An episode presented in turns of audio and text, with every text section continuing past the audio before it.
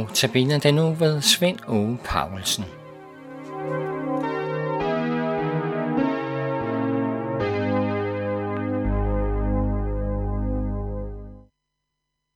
I den kommende uge er det Svend Ove Paulsen, som holder notabeneandagterne.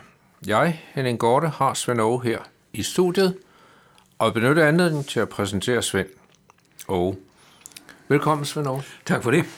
Og tak fordi du også vil jeg gerne sige endnu en gang vil påtage dig at holde disse andagter. Det er dejligt, at du gang efter gang siger ja til det. Det vil jeg gerne. Og så ved jeg, at du har nævnt for mig, og jeg kan også læse om dig, at du engagerer dig i en række forskellige aktiviteter. Du er for eksempel forkynder, og måske kalder du også præst i en frimenighed i Fredsund. Ja, Og du taler i forskellige andre menighedssammenhæng. Og en anden af dine aktiviteter, det er at oversætte bøger og udover boganmeldelser. Det tog vi lidt fat på sidste gang, ja. Du var herinde. Men øh, så er det, jeg siger, man kan godt tænke sig lidt, hvordan får man kræfter til alle disse aktiviteter, og hvordan sikrer man sig, at man bliver fyldt op, så man kan give? Har du nogle gode råd til det? Det er lidt svært, fordi jeg, jeg tænker ikke så meget over det.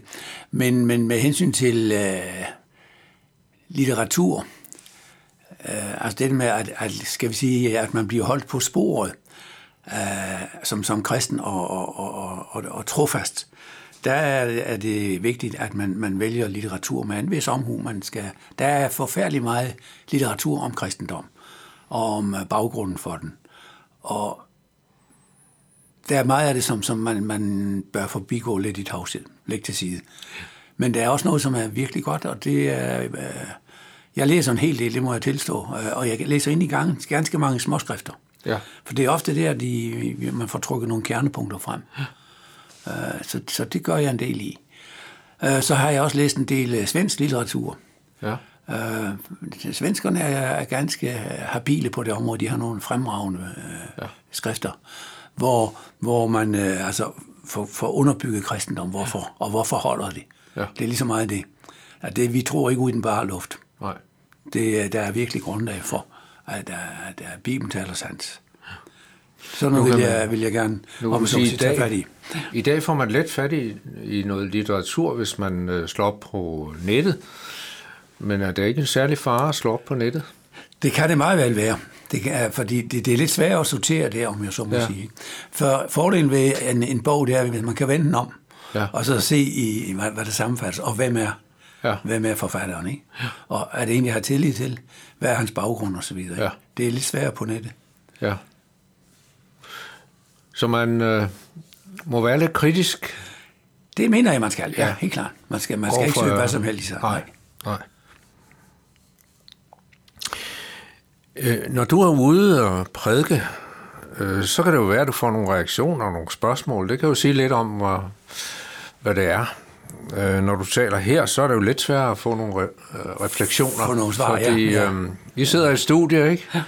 Og du kan have lytter, du sidder hjemme i stuen, eller hvor du gør. Øh, så er det lidt svært lige at få nogle direkte reaktioner. Men hvad betyder det at få reaktioner på det, man siger?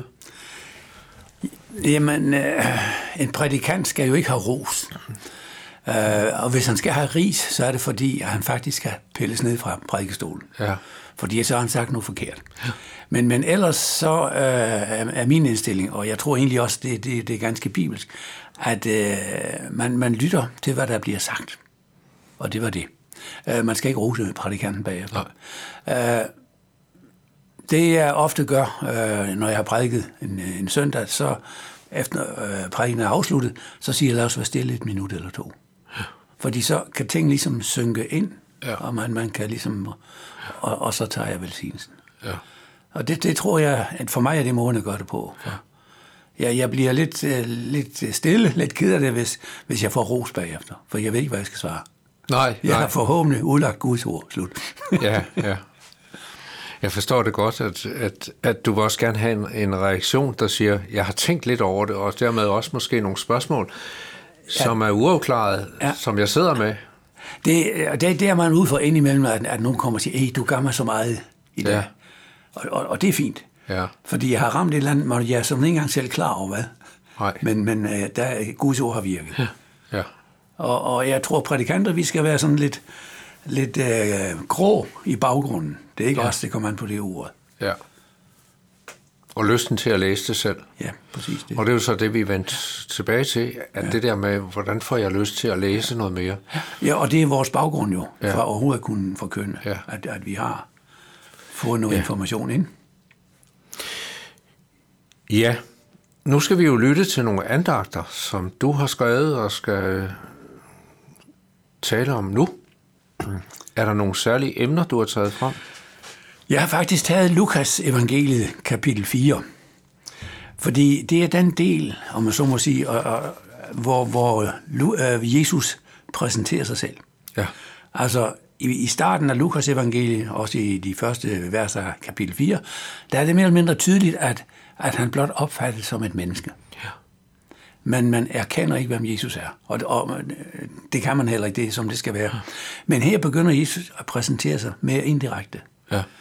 Og det er der ikke øh, de der gode farisæer og troende øh, jøder, som, som jo kunne skriften uden af, den kan de altså ikke være med til. Nej. De, de, de tør ikke stole på det. Nej. Men hedningerne tør. Ja. Og det er så det, der ligesom fremgår sig af, ja. af det kapitel, at, at Jesus præsenterer sig for dem, og de godtager det. Ja. Men øh, jøderne er lidt mere tilbageholdende, for at sige det sart. Ja. ja. det er det, jeg har taget op. Det er så det, vi skal høre, og vi glæder os til at høre dine andagter. Men måske sidder du, kære lytter, efter andagter med spørgsmål om det, som blev sagt, eller ønsker om uddybninger, så er du meget velkommen til at kontakte Københavns Nærradio. Du kan gøre det ved at sende en mail til knr knr.dk eller du kan få den direkte kontakt til at ringe til lederen Viggo Vive på 32 58 80 80. Telefonnummeret kan du også slå op enten på nettet eller hvor du ellers plejer at finde telefonnummer.